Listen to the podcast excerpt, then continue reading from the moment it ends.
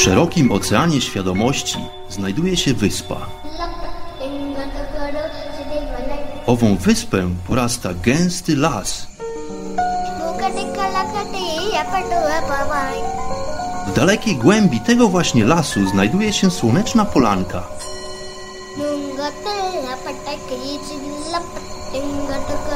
Przy tej oto polance w gorących promieniach słońca stoi sobie pewna magiczna chata.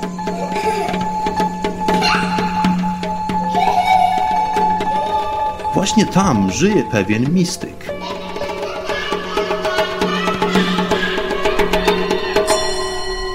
Mam na imię Bart i zapraszam wszystkich serdecznie do wysłuchania programu Chata Mistyka.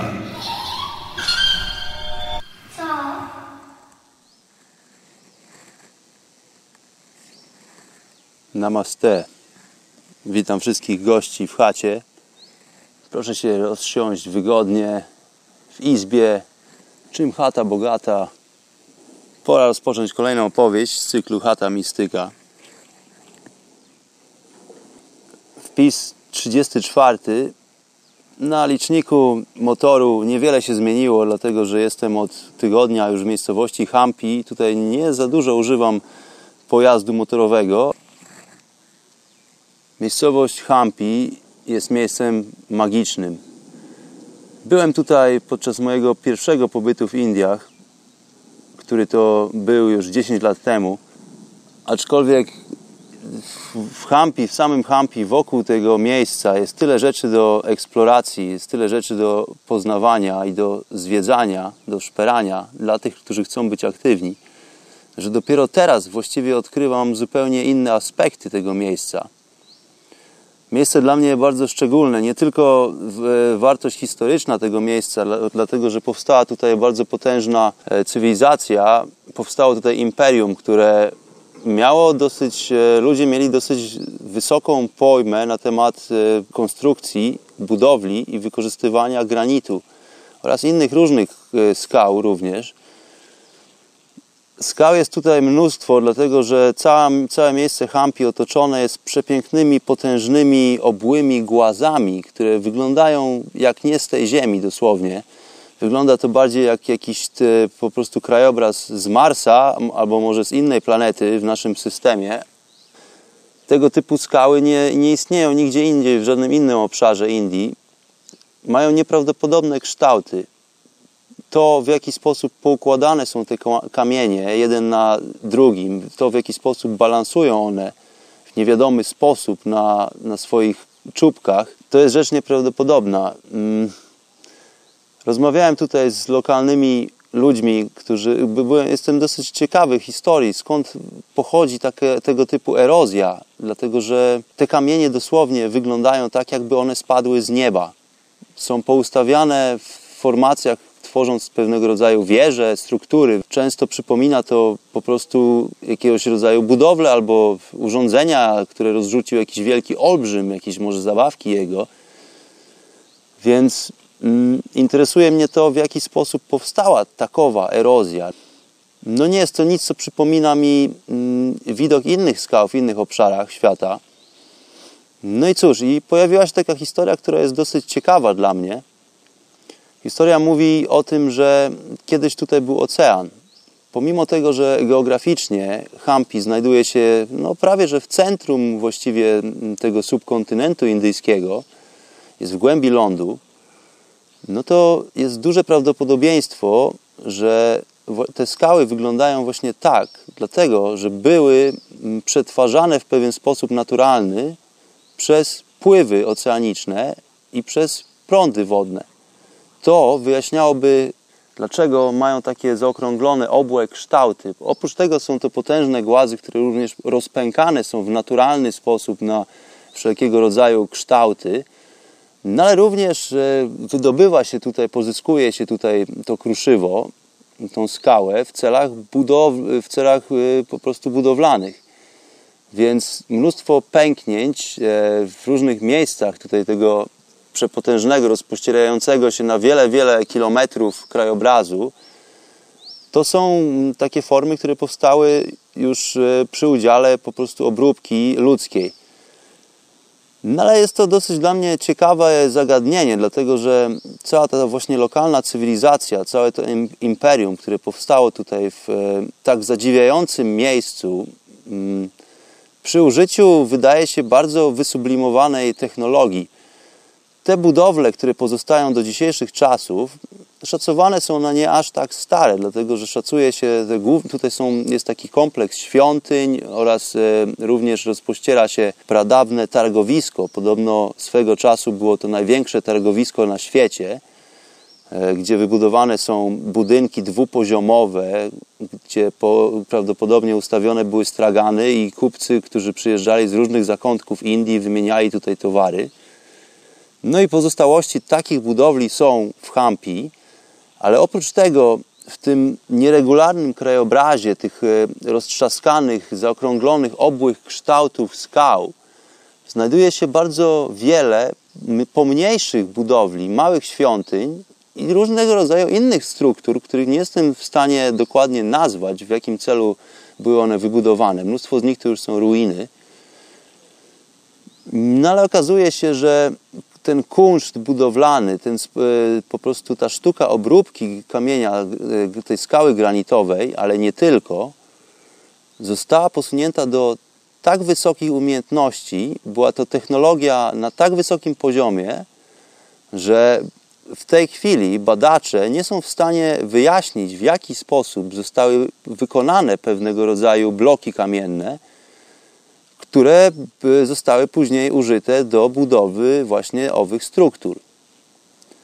I to jest zadziwiające, dlatego że materiał oczywiście dostępny jest tutaj lokalnie, więc nie trzeba go przywozić z żadnych e, odległych zakamarków, ale sposób obróbki tego granitu jest tak fenomenalny, że mm, starożytnym udało się osiągnąć e, rzeczy, których my nie jesteśmy w stanie sobie nawet wyobrazić. Rzeczy, które wykonane są z głazów, z granitu.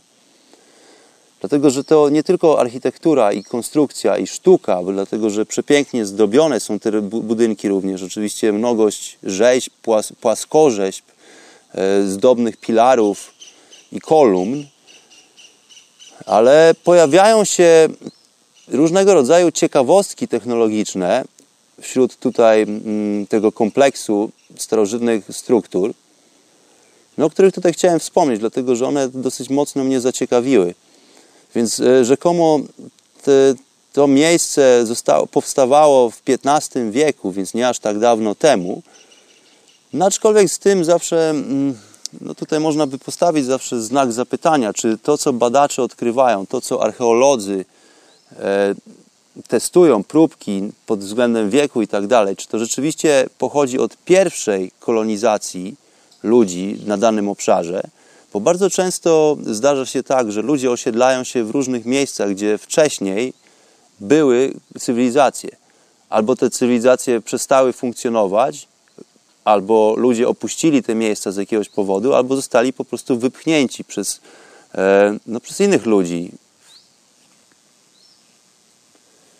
Więc jeżeli chodzi o tego typu starodawne technologie, to ja zawsze mam wątpliwości, czy rzeczywiście te miejsca są aż tak młode tak naprawdę.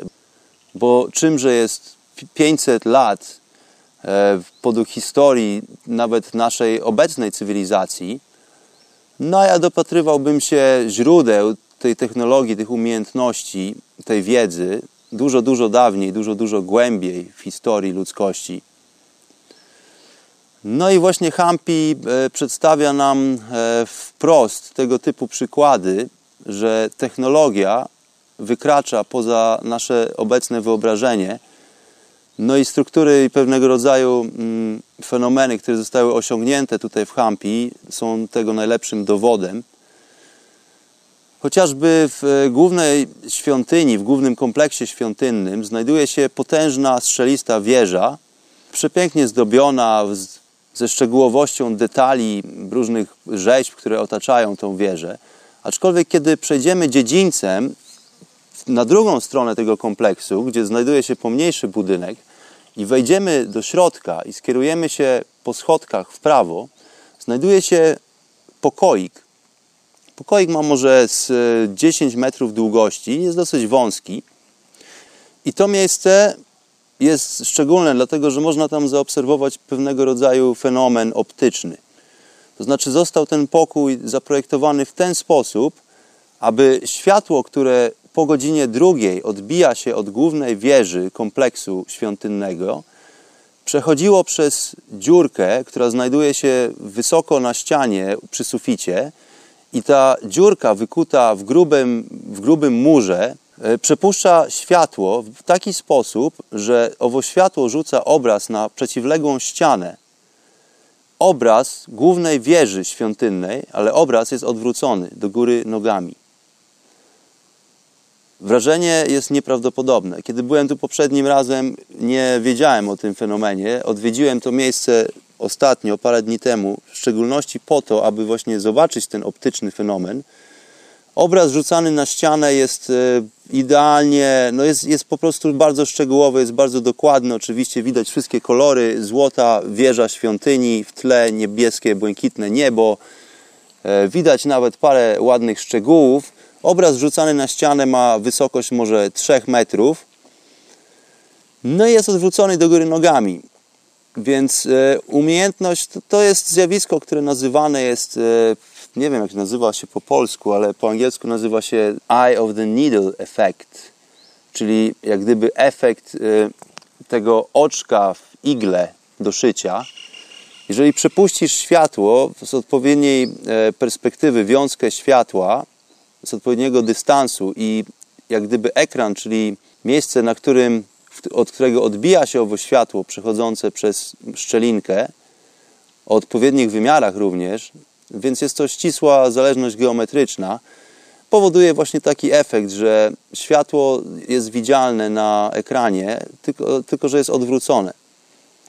Tak właśnie rozpowszechnia się promieniowanie świetlne i w ten sposób zachowuje się mm, fenomen naszego widzenia. My widzimy światło, które odbijane jest od, które zatrzymywane jest przez ścianę. To światło oczywiście początkowo odbiło się od samej wieży, dlatego istotna jest też godzina, do której, mm, o której przychodzimy do świątyni, aby zobaczyć to zjawisko. Słońce musi być po, po prostu już e, po południu, to już musi być popołudniowe słońce, aby zgadzały się właśnie kąty, charakterystyczne kąty, no i powstaje takie sobie właśnie zjawisko, o którym to wiedzą już nasi pra, pra, pra dziadowie starożytni. No ale to nie, nie tyle. Oczywiście mm, zaprojektowanie tego typu kompleksu świątyń i budynków wymaga dużych umiejętności arytmetycznych, dużych y, umiejętności geometrycznych również na pewno. No ale sama obróbka materiału jest również zadziwiająca, bo to nie tylko szczegóły i drobiazgi wykończeń artystycznych, ale okazuje się, że, no, że starożytni z jakiegoś powodu wybierali mm, ten materiał do wyrobu po prostu wszelkiego rodzaju rzeczy, nie tylko budowli, nie tylko budynków, ale praktycznie wydaje się, że wszystkiego, co da się wykonać lub co dało się wykonać z kamienia, dlatego że okazuje się, że to, co się dawało wykonać z kamienia dawno temu, w dzisiejszych czasach jest już niemożliwe. No i chociażby mm, fenomen e, samego oddzielania mm, oczywiście wielkich bloków granitowych od e, masy e, tych potężnych głazów, no to jest system nawiercania, ale bardzo charakterystycznego i w odpowiedni sposób wykonywania nawiertów w skale. Temat bardzo interesujący dla mnie, dlatego że interesuję się również od niedawna tego typu strukturami, które zachowały się w Polsce, to znaczy nie strukturami, ale tego typu metodami obróbki e, głazów granitowych, głazów skalnych, które mm, pozyskiwane były na terenie obecnej Polski. Metodą, e, do, do, której tutaj szczegółowo nie będę opowiadał, aczkolwiek e, metodą, która do tej pory jest nam nieznana, jeżeli byśmy chcieli dokonywać tego typu nawiertów, aby oddzielać e, granitowe głazy w dzisiejszych czasach, no to jest to po prostu metoda niemożliwa. No i podobnie tutaj w Hampi mm, pradawni budowniczy wiedzieli coś, o czym my już nie, nie zdołaliśmy się dowiedzieć, albo coś, o czym po prostu zapomnieliśmy jako cywilizacja. Chociażby w pewnej świątyni w Hampi widnieją pozostałości łańcuchów, które to zwisały z każdego narożnika przepięknie wykończonego dachu, takiej, takiej kanopii, nie wiem jak to się po polsku nazywa, taki daszek, który wychodzi poza jak gdyby obszar samego domu. No i na każdym rogu takiego mm, e, tego właśnie dachu znajdowała się pętla. Pętla wykonana była z kamienia granitu, idealna pętla okrągła, jak taki pączek po prostu, która była zespolona jako jeden kawałek po prostu z resztą bloku który to, granitowego, który to wykańcza właśnie owy narożnik dachu. Na przez tą pętlę przepuszczone były oka łańcucha, kamiennego łańcucha, który wykonany był z piaskowca.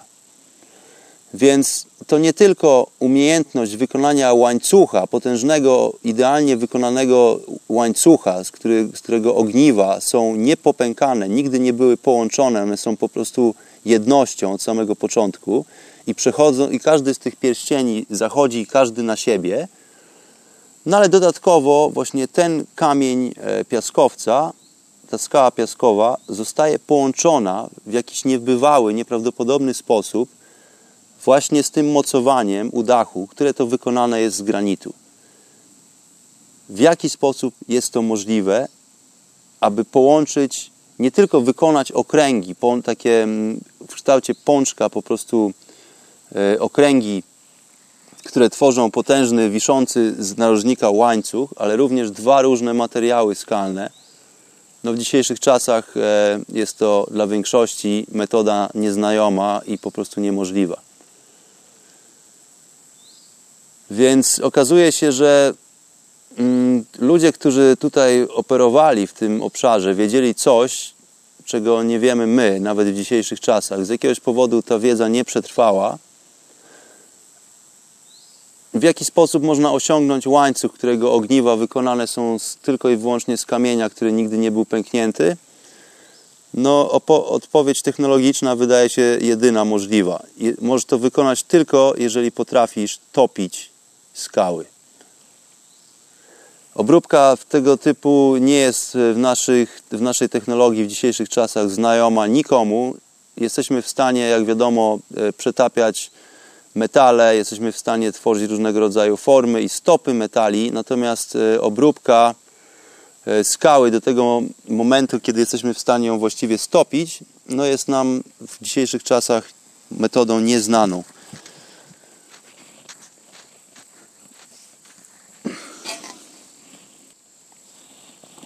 W innej świątyni w Hampi znajdują się tak zwane muzyczne kolumny.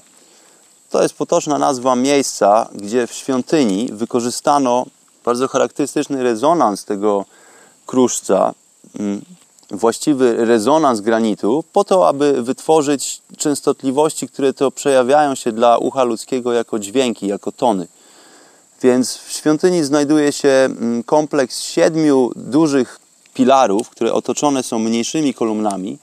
Te duże pilary wykonane są w ten sposób, że kiedy uderzymy w nie kostkami dłoni, kiedy poklepiemy w nie po prostu piąstką, wydobywa się z nich dźwięk. Idealnie dostrojony do jednego z siedmiu dźwięków skali ton. To są takie po prostu tony do, re, mi, fa, sol, la, si, do. Każdy z nich jest idealnie dostrojony Fenomenem jest to, że nikt do tej pory nie wie, w jaki sposób owe pilary, owe kolumny w świątyni zostały wykonane. Każdy z nich wydaje się być y, wytworzony z dokładnie tego samego materiału, z tego, z tego samego typu granitu. E, każdy z nich e, ma te same proporcje, te same wymiary i każdy z owych siedmiu pilarów wydaje różny dźwięk. Żeby było ciekawiej, to podczas okupacji brytyjskiej Brytyjczycy również zastanawiali się, głowili nad tym fenomenem. No i zarządzono wycięcie jednej, jednej z owych kolumn, więc do, w, tej, do, w tej chwili jedna z, z pomniejszych kolumn została odcięta i oczywiście ukradziona do jakiegoś e, muzeum w Londynie prawdopodobnie, z tego co się orientuję. Aczkolwiek okazało się, że po przecięciu owej kolumny, gdzie każdy spodziewał się zobaczyć dziurę w środku, no bo inaczej w jaki sposób rezonowałyby owe kolumny, okazało się, że nie ma tam żadnej dziury, nie jest to struktura rurki, tylko jest to po prostu solidny, rzetelny granit. No więc taka ciekawostka. Każda z tych kolumn wydaje inny dźwięk, idealnie nastrojony do częstotliwości. No i y, właśnie dlatego ja tych y, miejsc nie nazywam do końca świątyniami. To są potoczne nazwy tych miejsc, to są urządzenia moim zdaniem. Zresztą też inne dowody wskazują na to w samej świątyni. Przepiękne freski na sufitach, które to właśnie w okolicach każdej kolumny y, przedstawiają obraz, okrągły obraz, który bardzo mocno przypomina te doświadczenia, które wykonujemy w dzisiejszych czasach z różnymi infradźwiękami i z różnymi e, częstotliwościami, gdzie na cienką blaszkę posypujemy bardzo drobny piasek czy też sól i przy użyciu częstotliwości dźwięków obserwujemy wzory, które pojawiają się właśnie w tym piasku. Bardzo mocno przypomina to właśnie owe płaskorzeźby, które to znajdują się w świątyni muzycznych kolumn w Hampi. Z tym, że to są obrazy nie dwuwymiarowe, tak jak my zwykle to jesteśmy w stanie zauważyć właśnie na tych blaszkach z piaskiem, a są to obrazy, które już właśnie wykraczają w trzeci wymiar i pokazują jak gdyby energię, która rozpowszechnia się również w innym kierunku. I każda z tych płaskorzeźb, z tych okrągłych y, płaskorzeźb na suficie reprezentuje inną częstotliwość dlatego że każda z nich ma inny kształt, więc ona przedstawia inną częstotliwość danego dźwięku. Więc cały budynek musi być bardzo szczegółowo i skrupulatnie zaprojektowany pod względem akustycznym, wydaje mi się. I nie jest to tylko kwestia dewocjonalna, nie jest to tylko miejsce, do którego to mają przybywać pielgrzymi, którzy oddają hołd swoim hinduistycznym bogom. Jest to miejsce, które w sposób wibracyjny ma pomóc Tobie kiedy przebywasz w tej lokalizacji, dostroić się po prostu do wibracji tej planety, do wibracji natury. Więc w jaki sposób powstały muzyczne kolumny w świątyni w Hampi, do tej pory nie wiemy, aczkolwiek różnie, również wskazuje to na to, że starożytni budowniczy musieli po prostu posiadać umiejętność zmieniania gęstości materiału. No jest to w, dla mnie sztuka fenomenalna, jest to coś fantastycznego, no ale skąd oni to wszystko e, prawdopodobnie wiedzieli? To jest coś, co mnie zastanawia. Hampi to nie tylko współczesna jak gdyby cywilizacja i technologia, ale również przepiękna i potężna natura. Te majestatyczne głazy, które leżą tutaj prawdopodobnie od milionów lat. Nasycone energią nasycone słońcem. Jest tutaj naprawdę gorąco, bardzo słonecznie. Pomiędzy tymi obłymi, potężnymi głazami znajduje się mnóstwo jaskiń, mnóstwo systemów jaskiń. Nagrywając dzisiejszy odcinek Chaty Mistyka, siedzę właśnie w jednej z tych jaskiń. Zresztą już od tygodnia generalnie porzuciłem e, moje manatki w małej restauracyjce i, i koczuję po prostu na tych głazach. Jestem w skałkach, właściwie sypiam w różnych jaskiniach. Chodzę na bosaka, jest, jest bardzo gorąco. Generalnie wystarcza, wystarczają tylko krótkie spodenki. Te potężne, nagrzane słońcem e, głazy promieniują ciepłem nawet w nocy, także jest naprawdę ciepło, kiedy śpię w jaskini, jest naprawdę przytulnie. E, otoczony jestem przepiękną naturą, mnóstwo kolczastych drzew, dlatego że jest tutaj dosyć sucho, aczkolwiek jest trochę zieleni również. Przepiękne zwierzęta, malownicze ptaki, papugi, e, oczywiście małpy. Tutaj znajdują się małpy takie z czarnymi twarzami, z długimi ogonami. E, zresztą znajduje się nieopodal również e, świątynia małp, E, świątynia Hanumana. Hanuman to jest dosyć ciekawa postać z mitologii hinduskiej. Hanuman, pół człowiek, pół małpa właściwie, bardzo potężny, muskularny, taki właściwie bohater w opowieściach mitycznych. Twarzą taką półczłowieczą, półszympansią powiedziałbym, ale bardzo muskularne ramiona i bardzo muskularne nogi. Rzekomo potrafił również latać. No i pewna ciekawa historia również. Hanuman rzekomo ocalił tutaj pewną księżniczkę, która to została porwana tutaj właśnie z tego obszaru, z obszaru Hampi i została wywieziona do Sri Lanki. Sri Lanka, jak wiadomo, jest to wyspa, która oddzielona jest od głównego lądu Indii. Jest to generalnie oddzielne państwo Sri Lanka.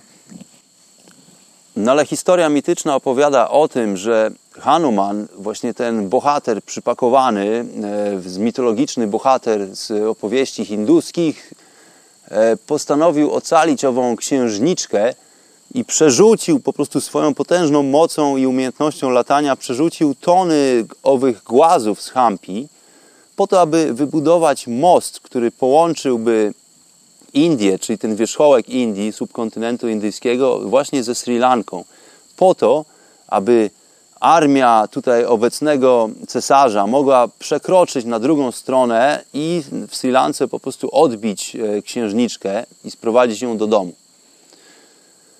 E, historia sama w sobie jest oczywiście e, bajeczką, aczkolwiek fenomenem jest to, że dopiero całkowicie niedawno odkryto pozostałości owego mostu, który rzekomo funkcjonował wiele, wiele tysięcy lat temu. Most został nazwany Mostem Adama. Generalnie struktura jest widoczna z, z, samolotu. Mam też przyjaciela tutaj w Indiach, który pracuje w liniach lotniczych, jest pilotem i właśnie lata na Sri Lankę. Opowiada mi o tym, że most jest widoczny po prostu z wysokości w postaci takiego sznureczka, który to zarysowuje się na dnie oceanu ale jest to ewidentnie taka linka, która łączy te dwa lądy ze sobą. No i rzeczywiście podwodne ostatnie e, znaleziska i badania archeologiczne wskazują na to, że rzeczywiście mm, znajdują się tam pozostałości struktury, która przypomina swoim kształtem most ale nie byłoby to nic niezwykłego. Jest to, mm, w tej chwili nie pamiętam, musicie sprawdzić, ale jest to chyba odległość y, dużo ponad 20 km, może nawet 50, więc byłby to naprawdę długi most. No ale historia nie byłaby aż tak ciekawa, gdyby nie mm, pewna zaskakująca wiadomość e, techniczna, konstrukcyjna tego mostu. Otóż okazuje się, że był to most pływający. tak, był to most, który utrzymywał się na powierzchni oceanu. Most wykonany z potężnych granitowych głazów, jakby się mogło wydawać, który to utrzymuje się na powierzchni wody, którym to może przejść rzekomo cała armia. No więc e, również no, okazuje się, że jest to. Mm, no jeżeli pomyślimy o tym, że technologia przetapiania skały jest możliwa, i jest możliwe osiąganie zmiany gęstości tego materiału, dlatego że pojawiają się na przykład różne częstotliwości muzycznych filarów, no to może jest również metoda zmienienia w pewien sposób gęstości mm, skały w taki sposób, że po prostu ona zaczyna pływać po powierzchni wody. E, dlaczego by nie? Skoro multitonowe statki cargo utrzymują się w wodzie. Oczywiście jest to, są to prawa fizyki, które poznaliśmy i które jesteśmy w stanie wykorzystać podług naszych intencji, podług naszych potrzeb. Jesteśmy w stanie konstruować tego typu okręty, które to przewożą nieprawdopodobne e, masy ładunku i statek wykonany jest e, ze stali i nie tonie no to może również możliwa jest technologia, aby wykorzystać właśnie głazy w celu wykonania pływającego mostu. No i to jest właśnie ta ciekawostka, która mnie zastanawia. Ale skąd to wszystko jest wiadomo? Skąd wiadomo jest, jak można wykorzystać materiał? No jest to moim zdaniem po prostu czysty proces alchemiczny. Alchemia, czyli stworzenie konkretnych warunków podług naszej intencji, podług naszej woli i wykorzystywanie wszystkich panujących elementów w celu po prostu uzyskania tego efektu, czyli stworzenie odpowiednich warunków. Jeżeli jesteś w stanie stworzyć odpowiednie warunki wewnątrz siebie, jesteś w stanie również stworzyć warunki na zewnątrz i zamanifestować je w naturze. To jest właśnie mistrzostwo, do którego dochodzą jogini po długich medytacjach w jaskiniach. Dlaczego jogini medytują w jaskiniach? Dlatego, że po prostu wibracja góry, wibracja tych kryształów, które tworzą tą strukturę tych głazów granitowych, czy bazaltowych, czy jakichkolwiek innych, które znajdują się w danym obszarze, jest tak potężna, że jeżeli jesteś w stanie dostroić się do owej wibracji, jesteś w stanie poznać tajemnicę struktury materiału. Tym samym jesteś w stanie zmodyfikować podług swojej woli dany przedmiot, dane zjawisko.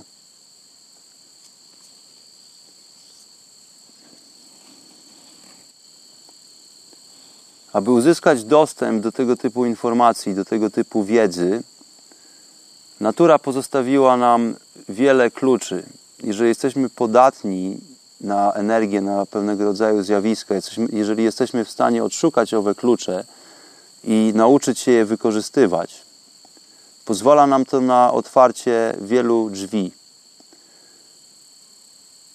W różnych obszarach e, na tej planecie znajdują się różne klucze, które działają w bardzo podobny, aczkolwiek każdy w bardzo swój specyficzny, indywidualny sposób.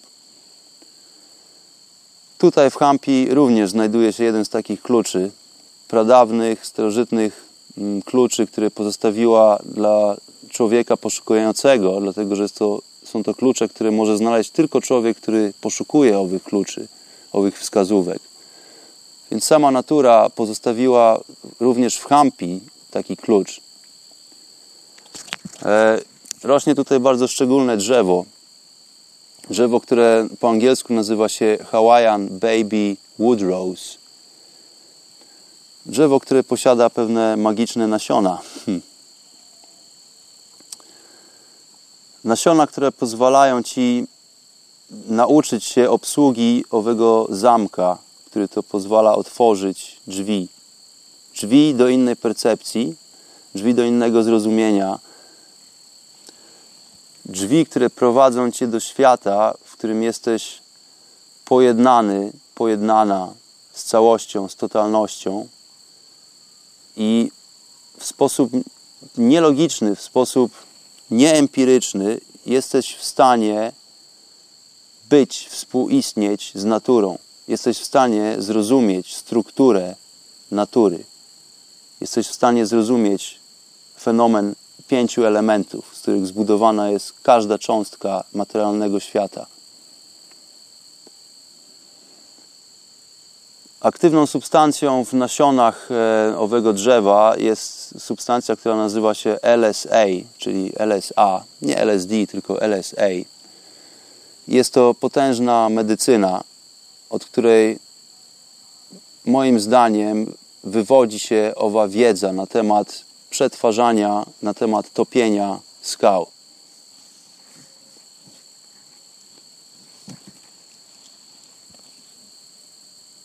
Te wszystkie odseparowane lekko od y, cywilizacji, od społeczności jaskinie stwarzają warunki właśnie dla dla ludzi, którzy zajmują się jogą, dla ludzi, którzy medytują, aby odbyć podróż do, do wnętrza siebie, a tym samym dostroić się do częstotliwości owych potężnych głazów. Siedząc w takiej jaskini, czuję się, jakbym po prostu był wewnątrz góry, jakbym był zespolony z ową górą. Nabywam tej samej wibracji, którą jestem w stanie zrozumieć w pewien nierozumny sposób, w pewien nielogiczny sposób. E, więc bardzo potężna medycyna. Mm, ja te nasiona nazywam nasionami Hanumana właśnie. To są nasiona małp. Myślę zresztą, że małpy w sposób naturalny też zjadają owoce owego drzewa i myślę, że rozumieją ten świat głazów tutaj w bardzo podobny sposób. No ale to tyle na temat e, nasion w Hampi. No i tyle na temat y, moich podróży do hiperprzestrzeni. Ja myślę, że na dzisiaj to będzie na tyle. Dzisiaj troszeczkę odcinek krótszy, dlatego mm, jest już po zachodzie słońca. Mm, mam po prostu zamiar rozpalić ognisko w mojej przytulnej małej jaskińce. Spędzić, spędzić kolejną uroczą, nieprawdopodobną, fantastyczną noc pod gwiazdami pośród krajobrazu nieprawdopodobnych kształtów głazów i kamieni, przesyconych energią słońca, przesyconych energią mamy natury po prostu. Dlatego to tyle z, na dzisiaj z opowieści. Zakończę fragmentem muzycznym. Udało mi się nagrać bardzo fajny kawałek muzyczny, kiedy to byłem jeszcze na Goa, mm, na wybrzeżu zachodnim Indii. Także zapraszam do wysłuchania fragmentu muzycznego. No i zapraszam do przyszłych odcinków Chaty Mistyka. Pozdrawiam wszystkich bardzo, bardzo gorąco. Mam nadzieję, że jesteście zdrowi. Obyście zdrowymi byli. Obyście e, byli w stanie medytacyjnym, obyście pamiętali o oddychaniu. Mam nadzieję, że pamiętacie o świadomym oddychaniu, przynajmniej raz dziennie. Trzy głębokie wdechy, trzy głębokie oddechy. Życzę wszystkim dużo mocy, no i do, do usłyszenia. Tyle na dzisiaj. Namaste, moi kochani. Pokój i miłość. Pranam.